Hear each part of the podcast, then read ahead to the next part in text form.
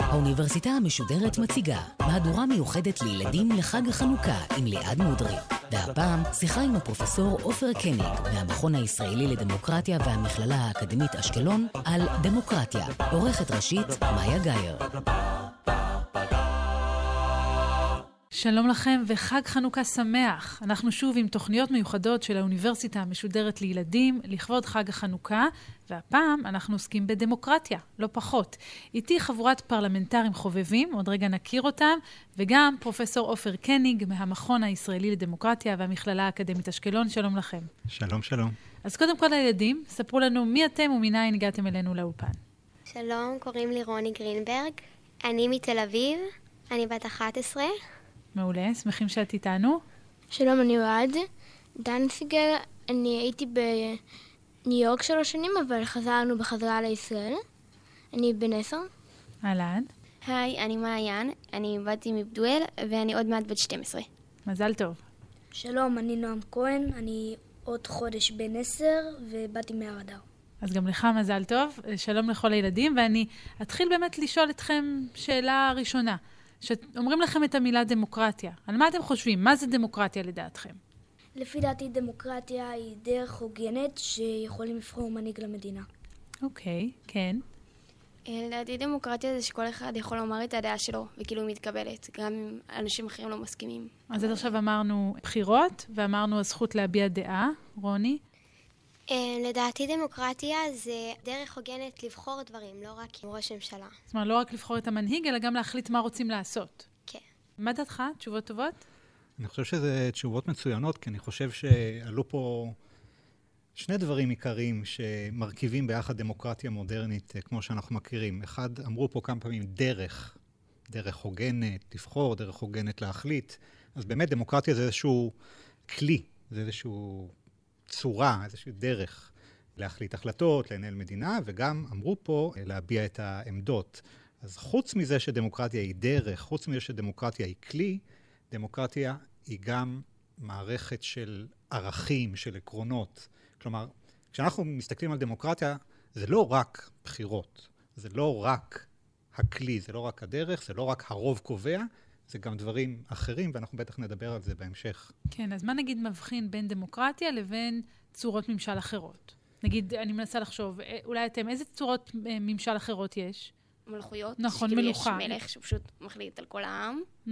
אז איזה עוד יש? תלמד אותנו. באמת מלוכה או מונרכיה, כמו שקוראים לזה בשפה מקצועית. יש דיקטטורות, אלה מדינות או ארצות עם שלטון יחיד ובדרך כלל גם אכזרי. שבו העם לא בעצם משתתף בקביעת ההחלטות או בבחירת המנהיגים, אלא יש רק מנהיג אחד שקובע. יש משטר קומוניסטי, זה כבר כמעט לא קיים, אבל פעם היה. שמעתם בטח את הדבר הזה, שכולם אמורים להיות שווים, והמפלגה היא זאת שכאילו שולטת. אז יש לנו כל מיני שיטות של uh, שלטון. ומה מייחד את הדמוקרטיה בהשוואה לשיטות האלה? אני חושב שדמוקרטיה, מה שמייחד אותה זה העניין שאנחנו, האנשים, העם, הם אלה שקובעים, אמנם לא בצורה ישירה כיום בדרך כלל, אלא בצורה עקיפה, אנחנו בוחרים את אלה שיחליטו בשבילנו, אבל אנחנו אלה שהם קובעים, ומה שמייחד את הדמוקרטיה המערבית, האמיתית, כמו בישראל, זה שאנחנו נהנים מהגנה, אנחנו כאנשים פשוטים, אנחנו נהנים מהגנה מאוד מאוד חזקה מהשלטון. וגם אם אנחנו מיעוט, יש לנו הגנה מאוד חזקה מהרוב. רגע, אבל למה אנחנו צריכים הגנה מהשלטון? הרי הם אמורים לעשות את מה שטוב בשבילנו גם ככה, לא? מי אמר? בדרך כלל הטבע האנושי הוא כזה שלמי שנותנים כוח, ויותר מדי כוח, הוא ינצל את הכוח לרעה. אני רואה פה את הילדים מהנהנים, זה בגלל כל המאבקים במועצת תלמידים. לא. או משהו אחר. כן. ואם אנחנו לא נרסן את הכוח שאנחנו נותנים לשליטים, לאלה שמחליטים עלינו, אז אנחנו בסכנה. ודמוקרטיה זה המשטר שנותן בצורה הכי טובה הגנה, גם לי בתור פרט וגם בכלל למיעוטים נגד הרוב. לא שאלנו בכלל מה מקור המילה דמוקרטיה. אז בואו אני אלמד אותך משהו, אני אלמד אתכם משהו. כל פעם שאתם שומעים מילה מסובכת, מונח מסובך, לא כל פעם, אבל כמעט תמיד זה מורכב משני מונחים. כן? כמעט תמיד זה מגיע מיוונית. או יוונית או... לטינית או משהו בסביבה הזאת. נכון, טכנולוגיה, פילוסופיה. כן. זה תמיד משני מונחים. אז דמוקרטיה, דמו זה העם או האזרחים, והקרטיה זה צורה של שלטון. אז דמוקרטיה זה שלטון העם. זה בא מיוון העתיקה, לא יוון שאנחנו נוסעים אליה עכשיו ככה לסוף שבוע עם ההורים, לאיזה אי, אלא יוון של לפני 2,500 שנה, משהו כזה. האנשים שגרו שם התאגדו בערי מדינה. אולי שמעתם פעם את המילים אתונה או ספרטה. אז אלה היו ערי מדינה. ערים שניהלו בעצמם את החיים שלהם, ושם צמח פעם ראשונה הרעיון, ה... שאז הוא היה רעיון חדש, מהפכני. רעיון של ניתן לנו להחליט בעצמנו. כלומר, האזרחים יחליטו על ניהול החיים. צריך לבנות גשר חדש, האם אתם בעד, האם אתם נגד. אתם רוצים uh, לצאת למלחמה מול ספרטה או לעשות שלום? מי בעד, מי נגד. אתם uh, חושבים שצריך להעלות מיסים? מי בעד, מי נגד. כל דבר, אנחנו בתור התושבים מחליטים בעצמנו. זה נראה לכם אולי מאוד מאוד טבעי היום, אבל פעם זה היה דבר מהפכני, כי מי ששלט עד אז, מי שהחליט עד אז, זה תמיד היה או איזה משפחת מלוכה, כן, כן שזה עבר מדור לדור, בשושלת, או איזה מישהו שלקח את השלטון בכוח. אבל הדמוקרטיה שלנו נראית אחרת מהדמוקרטיה היוונית. קודם כל, אנחנו לא מחליטים על גשרים בעצמנו, או על מלחמות בעצמנו, נכון? פעם, ביוון העתיקה, הדמוקרטיה הייתה מה שאנחנו קוראים לה דמוקרטיה ישירה. כלומר, על כל החלטה כמעט התכנסו כל התושבים, כל האזרחים, והחליטו. מי בעד גשר? אני בעד, אני נגד. מי בעד uh, לצאת למלחמה? או מי בעד שלום? קצת מעייף. קצת מעייף, גם קצת לא יעיל, נכון? לא יעיל. כל פעם שצריך להחליט משהו, אז הולכים לכיכר העיר הגדולה, וכולם נאספים מי בעד, מי נגד. זה היה יכול להיות אז, כשהיה מדובר בעיר יחסית קטנה, אבל היום אי אפשר לכנס את כולנו, ואפילו אם אתם יודעים מה, אפילו אם כל אחד יקבל יוזרניים, שם משתמש וסיסמה, ונגיד על כל דבר יקבל החלטה, לא רק שזה לא יעיל, זה גם אולי לא כל כך טוב. אתם הייתם רוצים למשל שאנחנו נחליט אם לצאת למלחמה בסוריה או לא? נראה לי, כאילו, אתם עוד ילדים, אבל אני, אפילו אני, אני עוד מעט כבר בן 50, אה, אני, לא נראה לי שיש לי מומחיות כן, הילדים פה מנידים בראשם במרץ, לא, לא רוצים. לא, לא רוצים, או אתם יודעים מה, אתם רוצים להחליט האם להטיל סגר עכשיו בקורונה, או אה, לפתוח את כל הקניונים? כן. חלקכם דווקא כן רוצים להחליט. אתם כן רוצים להחליט על זה. טוב, אז אני... רוצים להחליט ורוצים לפתוח, אם אני מבינה נכון. אוקיי. לא, אז אני חושב שעדיף לפעמים לתת את ההחלטות המסובכות האלה, כי הרבה מההחלטות האלה שמנהלות את החיים שלנו הן החלטות לא פשוטות. אני חושב שהרבה פעמים עדיף אה, לתת את ההחלטות האלה לאנשים שקצת יותר מבינים, שזה התחום המקצועי שלהם. ויש עוד דבר עדיף בדמוקרטיה של היום לעומת הדמוקרטיה היוונית. מה עוד? אני יכולה להצביע. ביוון לא הייתי יכולה להצביע, לא? נכון, גם זה מאוד חשוב. מה שקראו פעם דמוקרטיה ביוון, זה היה כאילו דמוקרטיה. זו אמנם הייתה דמוקרטיה במונח שהרבה יכלו להשתתף, לא כמו בעבר, אבל לא כולם יכלו להשתתף. נשים לא יכלו להשתתף. לא- עבדים. לא, לא כל התושבים יכלו להשתתף, עבדים לא יכלו להשתתף ועוד כהנה וכהנה, נכון. למה הם החליטו שכן מישהו יכול ומישהו לא? אם כל הרעיון היה שאזרחים יבחרו, אז למה יש אנשים שלא הכלילו אותם בתוך המונח אזרחים? שאלה טובה של מעיין. שאלה מצוינת, אבל אני חושב שאין עליה תשובה פשוטה, אני חושב שזה פשוט... הרעיון היה כל כך מהפכני. עצם הרעיון של לקחת את הזכות להחליט ולעשות ממלך או מאיזה שליט עריץ, ולתת אותם ליותר, אז זה היה צעד קטן בכיוון. לפני 2,500 שנה, קצת לא נעים, אבל היו עבדים. היום אין עבדים, נכון? היו עבדים, לעבדים לא נתנו. המעמד של הנשים לא היה מעמד גבוה. דרך אגב, לא רק ביוון העתיקה. אתם יודעים, בארצות הברית למשל, ארצות הברית שהיא נחשבת לדמוקרטיה אה, מפוארת, נכון? אנשים קיבלו זכות להצביע רק ב-1920, רק ב- ב- לפני מאה שנה בדיוק. ויש מדינות יותר אפילו מזה, נכון? שווייץ, נכון. נדמה לי, רק בשנות ה-70 או משהו כזה. שווייץ רק ב-1970 ומשהו, נכון. כלומר, כל הרעיון הזה שנראה לנו באמת טבעי היום לחלוטין, ש... מה, נשים לא השתתפו? מה, במה הן שונות מגברים מבחינת השכל או מבחינת היכולת שלהם להחליט? מה שנראה לנו היום טבעי, זה נראה לכם טבעי כי אתם נולדתם לעולם או למדינה, באמת, וגדלתם, גדלים במדינה שהיא מדינה דמוקרטית ומדינה שנותנת את הזכויות האלה לנשים ולמיעוטים אחרים. יש לי שאלה שפחות קשורה, אבל... כן, אוהד. האם סוציאליזם זה דמוקרטיה? האם סוציאליזם הוא דמוקרטיה? וואו, רואים שבאת מניו יורק. האם סוציאליזם זה דמוקרטיה? טוב, סוציאליזם, למי שלא יודע, זה סוג של אידיאולוגיה ששמה יותר דגש על, אה, על שוויון חברתי, שמאמינה יותר בצמצום הפערים החברתיים, מאמינה בכך שהמדינה צריכה להיות מעורבת בניסיון לצמצם את הפערים החברתיים, וזה אומר הרבה פעמים למשל לקחת יותר מיסים מהעשירים, כדי לתת יותר לעניים ולתת חינוך יותר טוב ובריאות יותר טובה. השאלה האם סוציאליזם יכול להיות דמוקרטי?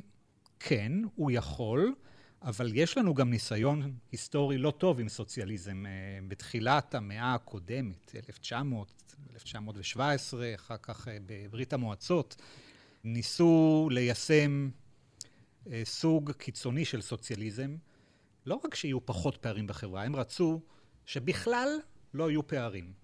שכולם יהיו שווים לגמרי, לגמרי, לגמרי, לגמרי, והדבר הזה היה קטסטרופלי, הוא היה אסון.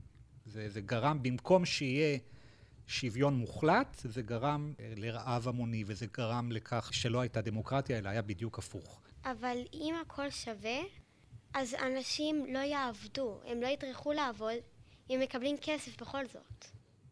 ולכן המשטר הקומוניסטי, המשטר שהיה בברית המועצות, לא כל כך הצליח. בסופו של דבר הוא קרס, כי זה לא היה יעיל ולא היה כלכלי. את צודקת מהבחינה הזאת, אבל יש לנו כל מיני גוונים של צדק חברתי. אנחנו מצד אחד לא רוצים שוויון לגמרי מוחלט, מצד שני אנחנו לא רוצים שיהיו אה, חמש משפחות שהן יהיו כל כך עשירות שלכל השאר לא יישאר שום דבר. אז צריך איפשהו באמצע, ועל זה הוויכוחים בהרבה הרבה מדינות, מה הוויכוחים. ולפני שנשמע עוד שיר, שאלה חשובה אליך, הדמוקרטיה נחשבת קרה במיעוטו. צורת הממשל הכי טובה שיש לנו מתוך כל הדברים שאפשר uh, כרגע, טובים ורעים שיש בממשלים. למה נכון. בעצם? ציטוט שם, של צ'רצ'יל מי כמובן. מי שאמר את זה, זה, זה ווינסטון צ'רצ'יל, הוא היה ראש ממשלה מאוד uh, מפורסם בבריטניה בשנות ה-40. והוא אמר שדמוקרטיה היא צורת השלטון הכי גרועה שיש, חוץ מכל האחרות. למה דמוקרטיה היא לא צורת שלטון אידיאלית? כי אמרנו כבר, הדמוקרטיה היא, היא לא תמיד הכי יעילה. תחשבו על הדמוקרטיה שלנו, אתם רואים את הכנסת ומתווכחים, ואז מקימים ועדה, והולכים לבדוק, זה, זה, זה לא יעיל. יש מדינות, נגיד כמו בסין, שסין היא לא דמוקרטיה, אם רוצים לסלול כביש, מחליטים אתמול, וכביש יש בעוד שבועיים. אצלנו, מי גר פה בתל אביב? כמה זמן? טוב, אתם, אה, אתם לא זוכרים אולי מתי התחילו לעבוד על הרכבת הקלה, נכון? אה, היא תלווה אתכם עוד הרבה שנים. הרכבת הקלה ש, שהופכת את העיר הזאת. למה זה קורה? למה בדמוקרטיה זה קורה כל כך, כל כך לאט? כי צריך להתפשר, ויש יש למשל תושבים שמתנגדים שהרכבת תעבור בשכונה שלהם, ואז צריך לשמוע את ההתנגדות שלהם. דמוקרטיה יותר מסובכת, היא יותר מורכבת, והצד הפחות טוב של זה, שזה שהיא פחות יעילה. נשמע קצת מוזיקה, מה אתם אומרים? כן? אוקיי. מעולה. החלטה דמוקרטית.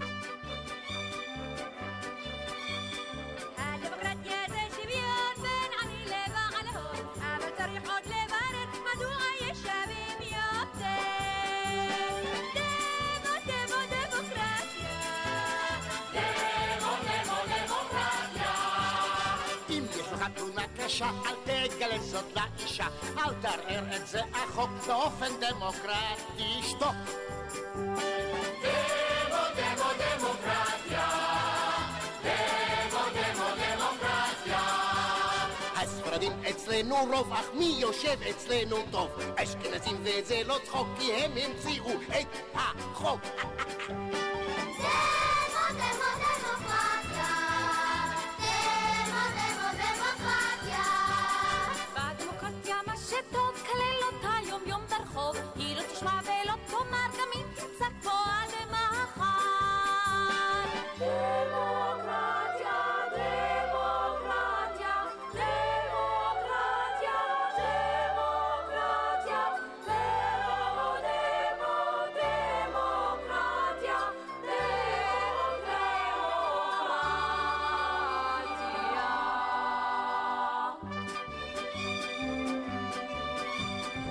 שבשטח פה שולט משטר וסדר בהחלט. לכל אדם שלא מבין כאן מדברת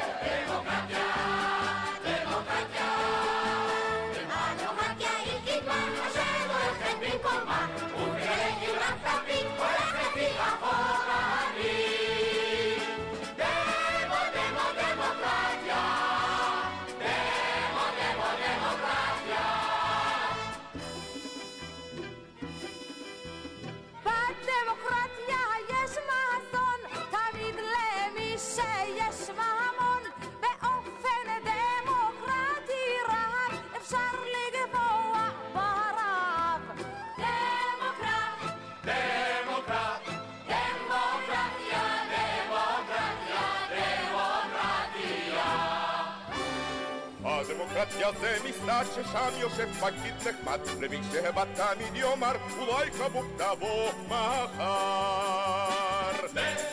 דמוקרטיה דמוקרטיה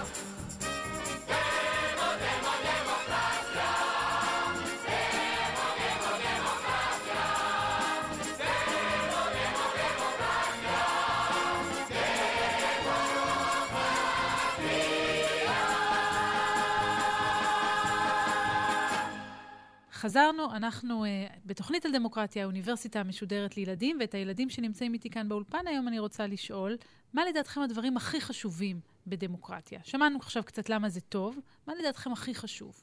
לדעתי מה שהכי חשוב זה שיהיה רוב קובע. לדעתי מה שהכי חשוב בדמוקרטיה היא שלכולם יהיה אותו שוויון ואותן זכויות בשביל לקיים מדינה הוגנת. אה, לדעתי מה שחשוב בדמוקרטיה, שבסופו של דבר אי אפשר שהכל יהיה שווה, כי אז איך, איך מחליטים למשל מי יהיה באופוזיציה ומי ב... אה, קואליציה. כן, שכחתי את המילה. אה, ואוהד, מה לדעתך הכי חשוב בדמוקרטיה? נראה לי בחירות. בחירות. אז קיבלנו פה מדגם מייצג של תשובות, לא? כן, כן, בהחלט. אני חושב שדמוקרטיה מורכבת מכל כך הרבה דברים, ש... מספיק שאחד מהדברים האלה לא יהיה קיים, שכבר לא תהיה דמוקרטיה אמיתית כמו שאנחנו רוצים. אז כלומר... אולי נמנה את עקרונות היסוד של הדמוקרטיה. מה הדברים שהכי דחופים, הכי נחוצים, כדי לקרוא למשטר דמוקרטיה? אז אני חושב שדבר ראשון, זה עניין של הזכויות שלנו מול השלטון. עוד לפני דבר, הבחירות ולפני לדעתי, הרוב, הזכויות. לדעתי, אפילו לפני הבחירות, כן. תשאלי את עצמך אם היית רוצה לחיות במדינה שיש בה בחירות, אבל לא יהיו בה זכויות, או לחיות במדינה שיש לך הרבה זכויות, אבל אין בחירות. זו שאלה ככה לחשוב עליה. כן. לשמחתנו, אנחנו לא צריכים לענות על שאלה כזאת, כי יש לנו, אנחנו חיים במדינה שיש בה גם זכויות וגם בחירות. עכשיו, בעניין של הבחירות, גם מאוד חשוב שזה לא יהיה סתם בחירות. שזה יהיו בחירות, אמרתם פה מקודם, הוגנות, חופשיות, תחרותיות. יש כל מיני בחירות כאלה בעולם, שפתאום 97 אחוזים בוחרים במנהיג, או במנהיגה לפעמים גם. כן, נכון. אפילו במדינה כמו צפון קוריאה, אתם מכירים? שמעתם על צפון קוריאה? מדינה... אה, אל תגורו שם. אני לא אשלח אתכם לשם. אפילו שם יש בחירות, אבל זה בחירות שהן הצגה. כאילו, יש רק מועמד אחד, השליט העליון, אז זה, זה לא ממש זה.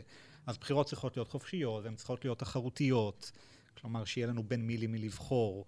והוגנות, שלא יהיו בהם זיופים. אנחנו רוצים גם שהשלטון שלנו יהיה שלטון נקי, כלומר שלא יהיו בו שחיתויות. אנחנו רוצים גם שהשלטון שלנו יהיה יעיל. אנחנו רוצים שהשלטון שלנו יאפשר להרבה מאוד אזרחים להשתתף. וזה, דרך אגב, דבר מאוד חשוב בדמוקרטיה, העניין של השתתפות. כי אם, אם נבוא רק לבחור פעם בארבע שנים, ונשאיר לפוליטיקאים שלנו לעשות את הכל, זה יפגע בדמוקרטיה קצת. מעיין? מעיין, כן. שלא יצעקו בכנסת, כי זה לא נותן דוגמה טובה. זה, כן. זה, זה אולי לא עקרון יסוד של הדמוקרטיה, אבל זה בהחלט חשוב. חבל על האוזניים שלהם. שלהם ושלנו, אתה אומר. כן, זה לא עקרון יסוד, אבל בדמוקרטיה אמיתית גם מאוד חשוב מה שאנחנו קוראים... אה, שיח. תרבות דמוקרטית, כן. ערכים דמוקרטיים. כלומר, שוב, דמוקרטיה זה לא רק בחירות ולא רק זכויות, זה גם איך אנחנו מתווכחים. כל מיני ערכים כמו סובלנות, וכמו הגינות, וכמו לדעת להפסיד בכבוד, וריבוי דעות, פלורליזם, שבטח אתם לומדים בבית ספר כבר מכיתה ג', אז כל הדברים האלה הם דברים אה, שהם ביחד, הם נותנים לדמוקרטיה את המהות שלה. כלומר, אנחנו חיים במדינה ענקית, אנחנו מתווכחים על המון המון דברים, צריך לדעת איך להתווכח, ואת צודקת, מעיין, אין מה להגיד. אה, כשאנחנו מסתכלים על נבחרי הציבור שלנו בכנסת, הם לא מהווים לנו דוגמה אישית, נכון? בטח לא לכם. אבל זה מעניין, אלה עקרונות. אתה אומר, אם אני שולף את אחד מהם, אז כל המגדל קורס? כלומר, זה מתכון כזה שכל הרכיבים בו הכרחיים, או שיש כאלה שאפשר לוותר עליהם? תראי, מה זה המגדל קורס? המדינה לא תקרוס. הדמוקרטיה. כלומר, כלומר, אה, אף אחד לא ידביק לנו מדבקה על המצח, אה, אתם כבר לא דמוקרטים. וזה גם לא קורה בדרך כלל... ביום אחד. אבל אם אנחנו פתאום נראה שחופש הביטוי שלנו מוגבל יותר ויותר ויותר, אז אנחנו נהיה מודאגים שהמדינה שלנו הופכת להיות פחות ופחות דמוקרטית. הזכרנו קודם את יוון העתיקה, וראינו שזו שיטת ממשל מאוד שונה. אמנם לשני הסוגים האלה קוראים דמוקרטיה, גם למה שקורה היום וגם מה שהיה אז, אבל זה מאוד שונה. גם היום כשמסתכלים על דמוקרטיה מודרנית, כלומר שקורית עכשיו, גם היום אפשר לדבר על סוגים שונים של דמוקרטיה, או שכל הדמוקרטיות אותו הדבר? אני חושב שההבדל העיקרי בין מה שהיה פעם דמוקרטיה ביוון, דמוקרטיה ישירה, שדיברנו עליה, שאנחנו החלטנו על כל החלטה בעצמנו, היום מדובר בדמוקרטיה מסוג אחר, זה, קוראים לזה דמוקרטיה עקיפה או דמוקרטיה ייצוגית, כן. שלא אנחנו מחליטים, אנחנו בוחרים את האנשים שיחליטו בשבילנו. כלומר, פעם בכמה שנים, שנה, שנתיים, שלוש, ארבע, עקרונית הולכים... ארבע, נכון, אבל שמתם לב, ילדים, שזה קורה בזמן האחרון קצת יותר תכוף מזה. לפי החוק זה פעם בארבע שנים, אבל משנים את החוק, אז זה יכול להיות גם שלוש בחירות בשנה אחת, ואז אנחנו הולכים לבחור את האנשים שיחליטו בשבילנו. אז אנחנו בעצם מסמיכים את האנשים, אנחנו נותנים להם מנדט בשביל להחליט בשבילנו. וזו דמוקרטיה ייצוגית. זו דמוקרטיה ייצוגית. יש היום בתקופתנו איזה שהן דוגמאות של דמוקרטיה ישירה? לא יודעת, במקומות נגיד ממש קטנטנים. אז בקיבוץ, שזה יחסית קטן, 200, 300 אנשים גרים בקיבוץ, אז שם מתקיימת דמוקרטיה ישירה. כולם מתכנסים בחדר האוכל או במועדון ומחליטים על כל דבר. אבל במדינה אי אפשר לעשות את זה, בטח שלא באופן קבוע. מה שכן, לפעמים שמעתם את המונח משאל עם. במדינות דמוקרטיות, בנושאים מאוד מאוד מאוד מאוד חשובים, הולכים אלינו, אל האזרחים, ושואלים אותנו שאלה ישירה, שיש עליה רק שתי תשובות, כן או לא. למשל, לפני ארבע שנים בבריטניה שאלו את הסקוטים, שהם חלק מבריטניה, האם אתם רוצים לקבל מדינה עצמאית או להישאר בבריטניה? כן או לא? או הברקזיט, שמעתם על הברקזיט אולי, ילדים? לא. אז אה, אנגליה הייתה צריכה להחליט האם היא נשארת בתוך האיחוד האירופי, או שהיא רוצה לצאת מהאיחוד האירופי ולהפוך למדינה עצמאית, והיה משאל מאוד מאוד גדול שקראו לו ברקזיט, והאנגלים החליטו שהם רוצים לצאת. זו דוגמה למשאל עם. יש סוגיות שלדעתכם בישראל היה אפשר לעשות עליהן אולי משאל עם? כן, מעיין. עכשיו היה עניין מאוד גדול על הריבונות ועל העניין עם uh, ההסכם שלום עם סעודיה. אז זה כן נראה לי אפשר לעשות uh, משאל עם. כי כאילו בסופו של דבר...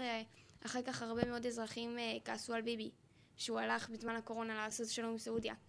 אז אם היו עושים משאל עם, אז יכול להיות שהעם היה באמת מראה דעתו לפני זה, ואז אה, אה, היו ביקורות שאולי נחסכות, ואולי גם היינו במצב יותר טוב עם הקורונה. יש את הבעיה ששולחים סודנים חזרה לארץ שלהם, ולדעתי אה, היה צריך לעשות על זה משאל עם. זה נראה לכם אבל שזו שיטה יעילה? נגיד להחליט החלטות כאלה בצורה של משאל עם, או שאולי צריך לשמור את זה רק לדברים הכי הכי הכי דרמטיים וחשובים וגדולים? נראה לי שצריך לשמור את זה לדברים לא יותר מדי דרמטיים, אבל לא לעשות את זה על כל דבר קטן. כן. שזה בעצם הרעיון של דמוקרטיה ייצוגית, נכון? נכון, נכון. כי אנחנו לא יכולים להחליט על כל דבר. בכל יום לביבי ולממשלה יש 200 דברים שהם צריכים להחליט עליהם. אנחנו לא, הם לא יכולים כל פעם לשאול אותנו. גם אין, אין, אין, לא תמיד יש מספיק זמן. אז בדרך כלל משאלי עם שואלים שאלות באמת גדולות, שאלות חשובות, שאלות אה, יותר אה, משמעותיות. זה כמו שלא שואלים אותנו עכשיו אם הולכים לסלול כביש או לא. Mm-hmm. עושים את זה, ואז יכול להיות שאנשים לא רוצים שזה יקרה, אבל עושים את זה בלי לשאול אותנו, כי זה לא באמת משהו חשוב. אז מה היתרונות והחסרונות של השיטה הזאת? קודם כל, אין כל כך ברירה. אנחנו לא יכולים, אה, אנחנו לא יכולים להחליט על כל דבר. לא, בשיטה היום עם הטכנולוגיה, אני יכולה לדמיין מצב okay. שבו אוקיי. כל אחד מוציא את הטלפון שלו, כל יום עולה הצעה, וצ'ינג, עושים או לייק או dislike, נכון? איך קוראים? בוז, אתם אומרים? או לייק או בוז, ואז אה, מחליטים כל יום החלטה חדשה. נראה לי שאוהד לא אוהב את זה. אני הייתי אומר שאז יש סיכוי שיהיה כל מיני האקרים שישנו את זה. נכון, לא חשבתי על זה. זו גם uh, סכנה. נגיד התגברנו על זה. אז נלך על השיטה הזאת או לא? השאלה אם יש משהו מסוכן בזה שאנשים מחליטים את ההחלטות האלה כל יום, או, או בעייתי, לא חייב להיות דווקא מסוכן, כן. לדעתי כן יש משהו בעייתי, כי בסופו של דבר יש אנשים שהם לא מספיק מבינים בתחום מסוים, כדי באמת להחליט החלטות כאלה גדולות ולהביע את דעתם. בדיוק בגלל זה יש לנו את הממשלה, שהם אמורים להבין בדברים האלה, ובגלל זה גם הם אלה שקובעים. כשרוצים שנעשה את זה, זה משהו שחושבים ששתי התשובות נכונות. Hmm. אז לא ישאלו אותנו על משהו שאנחנו לא נבין. ישאלו אותנו רק על דברים שנבין ושנדע מה אנחנו באמת רוצים. כן, ואני אני חושב שיש לזה עוד חיסרון מאוד גדול. חוץ מזה שאנחנו לא מבינים גדולים, החיסרון המאוד גדול זה ששואלים אותנו, בדרך כלל לא יכולים להתעמק יותר מדי. אנחנו לא נקרא, נגיד, אוקיי, אנחנו רוצים לסלול כביש. אלה ההשלכות אם נעביר את הכביש פה. אלה יהיו ההשלכות אם נעביר את הכביש פה. אתם תקראו 20 עמודים כדי, כדי להחליט איפה להעביר את הכביש? ממש. אנחנו, אין, אין, לנו, אין לנו ממש זמן לזה, אין, אין לנו ממש אה, סבלנות לזה. ודבר נוסף, בדרך כלל ההחלטה היא, אתם בעד או אתם נגד. ובפוליטיקה, בכנסת, שאת כועסת עליהם שהם אה, צועקים אחד על השני, אבל דווקא זה שהם צועקים ומתווכחים אחד על השני, בדרך כלל הופך את העניין, בסופו של דבר יש פשרה. פוליטיקה בדמוקרטיה בסוף מתפשרים. זה לא או שחור או לבן. והרבה פעמים התהליך הפוליטי שהוא לא יעיל ושהוא לא כל כך יפה הרבה פעמים, בסופו של דבר מביא לפשרה בין שתי אפשרויות יותר קיצוניות. ואני חושב שזה יתרון מאוד משמעותי לדמוקרטיה ייצוגית מול דמוקרטיה ישירה. מה שהוא לא בין שתי דברים, זה נגיד שבוחרים לממשלה, אז יש המון המון אנשים שמנסים. זה לא רק שתיים, כמו באמריקה. וזה טוב או לא טוב? זה יכול להיות טוב, זה יכול להיות פחות, כי באמריקה זה מסודר, וזה רק שתי אנשים ואתה בוחר אחד. אה, אבל בישראל זה יותר אופציות, כי לכל מפלגה יש דעה שונה. אין מפלגה שבאמת יש לה בדיוק את אותה דעה. בתוכנית הבאה, נכון. אנחנו נגיע בדיוק לשאלה הזאת של איזה שיטות ממשל יש, ואיך עושים בחירות, וההבדל בין קואליציה ואופוזיציה. אני, לפני שנשמע עוד שיר, כהכנה לשיר, אני רוצה לשאול אם יש פה מישהו שבתוכניות שלו, או מי שהיא, להיות ראש ממשלה? שר. שר. סגרנו על שר. כי, כי כשאתה ראש ממשלה תמיד מפלילים אותך. אז זה לא כיף. כן, זה לא... אם היית רוצה להיות ראש ממשלה, שתהיי גדולה. לא, ממש ממש ממש לא. לעתיד הרבה יותר מדי לחץ וסטרס. אז אין פה אף אחד שרוצה רוצה או רוצה להיות ראש תראי, ראשת אם אתה ממשלה? עושה טעות אחת בראש ממשלה, פתאום מתחילים אה, לכעוס עליך, ואז נוצר מצב מאוד מאוד מאוד לא נעים. מצד שני, אם אתה מחליט החלטה מעולה, אז אתה מוביל את כל המדינה אחריך ואז לעתיד טוב הרגשה יותר. מאוד נעימה, אז זה מאוד קריטי, בוא נגיד ככה. הייתי. רוצה להיות יום אחד, כדי רק לשנות את כל הדברים שלו בסדר, ואז לצאת מזה לפני שאני אעשה את זה טוב ענקית. רוני? אה, אני ממש לא הייתי רוצה להיות, כי אני לא יכולה לחיות עם... שאני יודעת שחצי מהמדינה בערך פשוט שונאת אותי. ותמיד יכול להיות שאתה תחשוב שאתה עושה משהו נכון, והמון אנשים יחשבו שזה לא נכון. לפי איך שאת מדברת עכשיו, נראה לי שיש סיכוי שכל המדינה תאהב אותך, אבל זה כבר סיפור אחר. טוב, קצת מוזיקה. לתפארת מדינת ישראל. אני נשבע.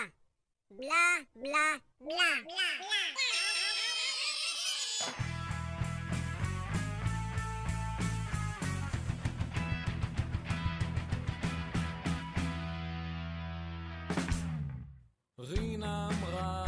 שהעם זקוק לי,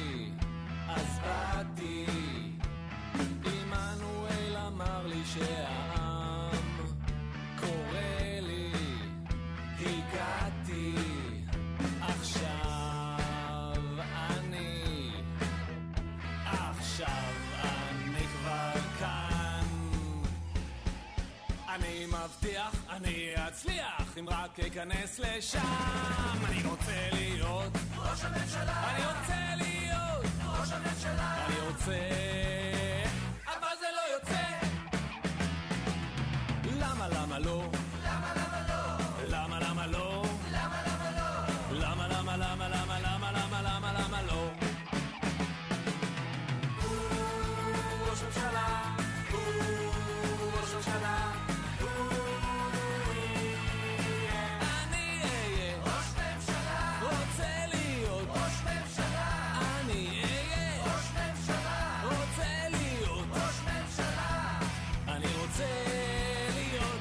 ראש ממשלה. אני אבטל את כל המיסים, אשים לכם זהב בכיסים, אתן לכם המון מתנות, את הקולות שלכם אני רוצה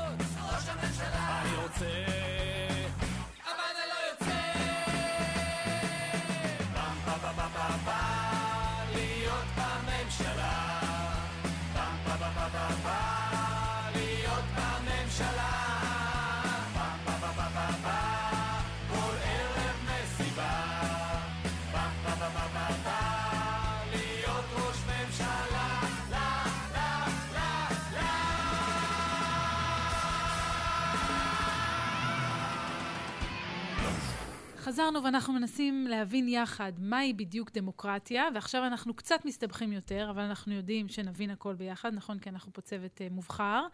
אז uh, פרופסור קניג, תסביר לנו מה ההבדל בין דמוקרטיה פרוצדורלית ודמוקרטיה מהותית או ליברלית.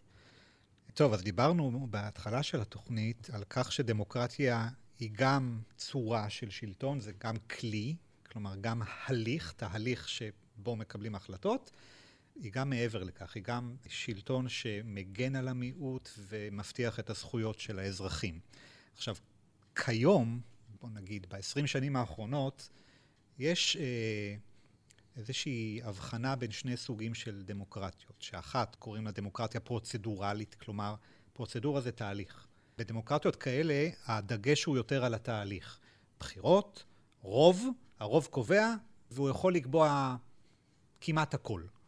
ולעומת זאת, בדמוקרטיה ליברלית, הדגש הוא לא רק על הרוב, אלא גם על הערכים וגם על הזכויות שיש לנו בתור אזרחים. וזה ההבחנה בין דמוקרטיה ליברלית, שמדינת ישראל שייכת לסוג הזה, עדיין, אנחנו צריכים ללחום על זה, אבל היא שייכת עדיין לסוג הזה, לבין דמוקרטיה פרוצדורלית, שבוא נגיד ככה, היא דמוקרטיה באיכות פחות טובה. כמו הונגריה ופולין, שהם... מה זה אומר אבל באיכות פחות טובה?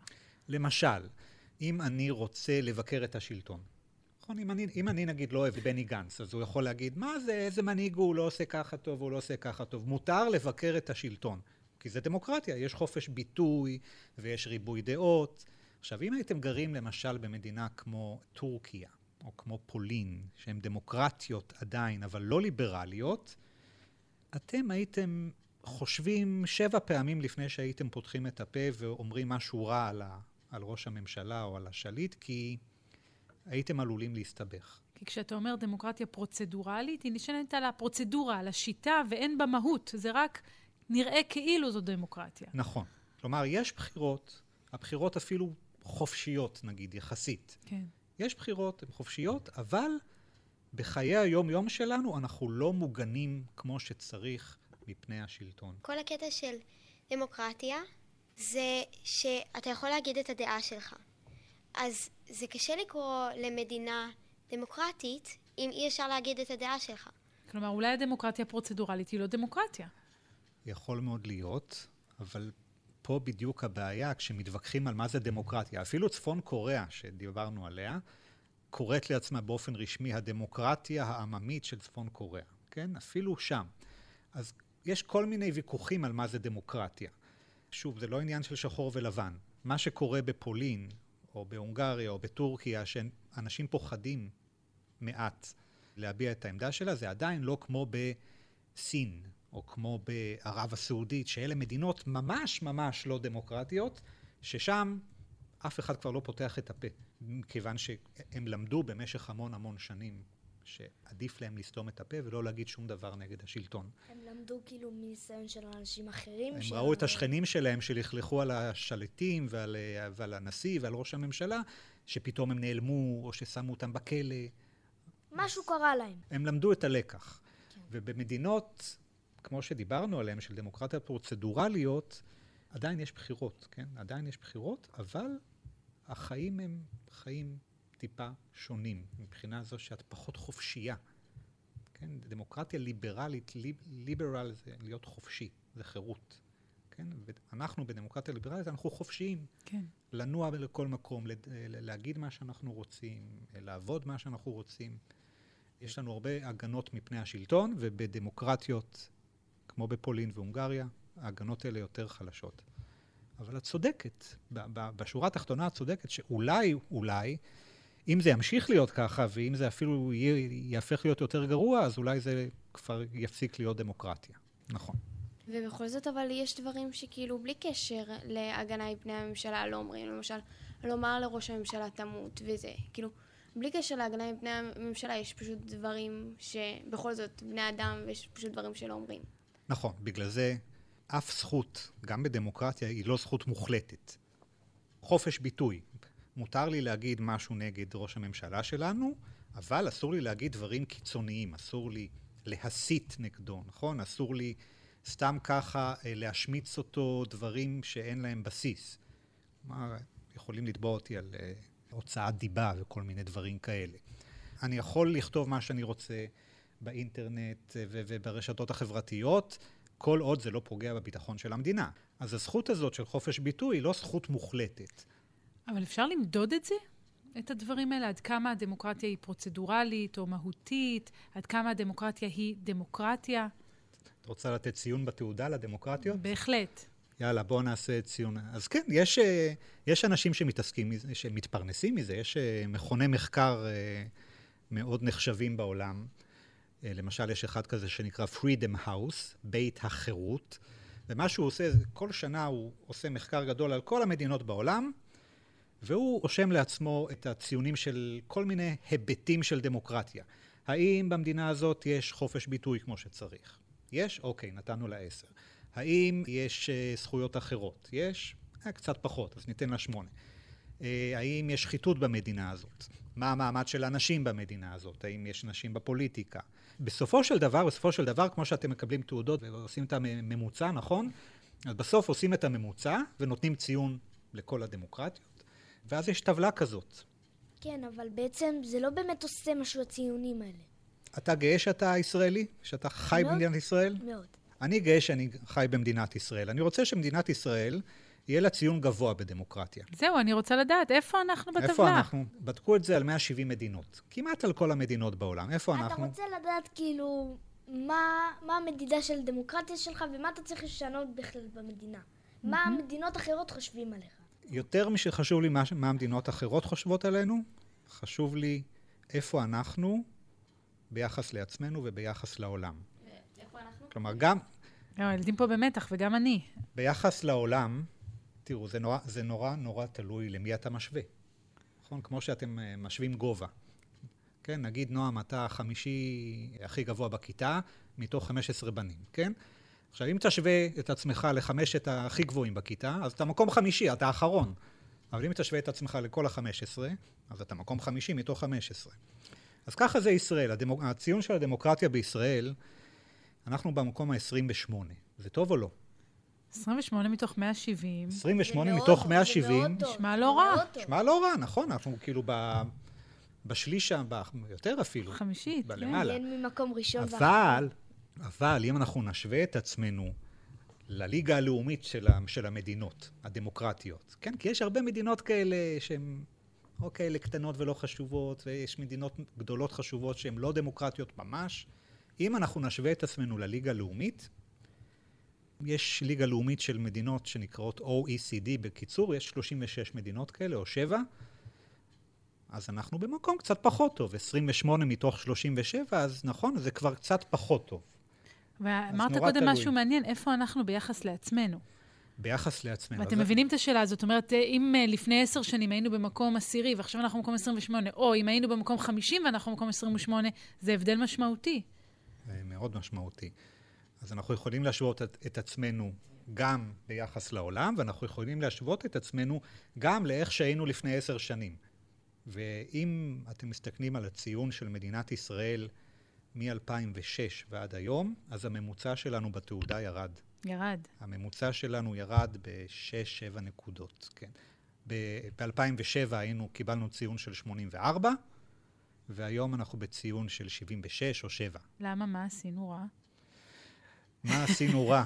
אז יש כל מיני דברים שהורידו לנו את הציון, הורידו לנו את הממוצע בציון. למשל, השחיתות של הפוליטיקאים שלנו התגברה. למשל, חוק הלאום שחוקק לפני שנתיים פגע במיעוטים שחיים פה. ויש עוד כל מיני דברים שהורידו לנו את הממוצע. ובמה אנחנו מצטיינים? במה אנחנו מקבלים ציונים טובים? מה אתם חושבים אנחנו מצטיינים? הישראלים, במה הם מצטיינים? אה, לדעתי בזכויות נשים. חופש ביטוי. עכשיו בבלפור יש הרבה הפגנות, שזה באמת חופש ביטוי מאוד גדול. חופש ביטוי, חופש הפגנה, אז אנחנו כן מצטיינים ב... בחלק מהזכויות, לא בכולם. למשל, חופש הדת, או חופש מדת, יותר נכון, קצת מוריד לנו את הציון. כל אחד יש את הזכות לקיים את אמונותיו כמו שהוא רוצה, אבל יש סוג מסוים של כפייה. למשל, זה שבמדינת ישראל אי אפשר להתחתן לא בחתונה דתית, או למשל, שיהודי לא יכול להתחתן עם ערבייה, נכון? אז זה אי אפשר, וזה טיפה מוריד לנו את הציון. במה שאנחנו כן מאוד מצטיינים, זה העניין של השתתפות פוליטית. אנחנו אחוזי אנשים הצבעה גבוהים. מאוד מאוד, אה, גם אחוזי וגם הצבעה הפגנות, גבוהים, וגם והפגנות. מעורבות אזרחית. בדיוק, אנחנו מפגינים השתתפות פוליטית טובה. הבחירות שלנו הן בחירות הוגנות, אין זיופים בקנה מידה גדול, והרבה מאוד מפלגות, שזה גם חיסרון, כמו שאמרתם מקודם, Hmm. אבל זה שיש הרבה מפלגות מראה שאנחנו מדינה דמוקרטית. כל אחד יכול להביע את העמדה שלו, להתחרות ולהיכנס לכנסת. ואנחנו בדיוק נדבר על השאלה הזאת של ריבוי מפלגות וסוגי אה, משטר בתוכנית הבאה. אנחנו ממש מסיימים. תבואו גם לתוכנית הבאה? בטח. כן? מעולה. אז רק נודה לכל האנשים שעשו במלאכה. תודה רבה לעורכת שלנו, מאיה גאייר, למפיקות, גיא חלמיש, עמליה נוימן ויעל צ'חנובר, לדניאל שבתאי על הביצוע הטכני, ליורם רותם על העריכה המוזיקלית. תודה גם למכון הישראלי לדמוקרטיה ולאוניברסיטת תל אביב, ותודה לרוני גרינברג, נועם כהן, אוהד דנציגר, מעיין ולנר ולפרופסור עופר קניג. נתראה מחר לחלק השני של התוכנית. שיהיה לכולנו חג. שמח! ייי! עם המון סופגניות. חג אורים שמח.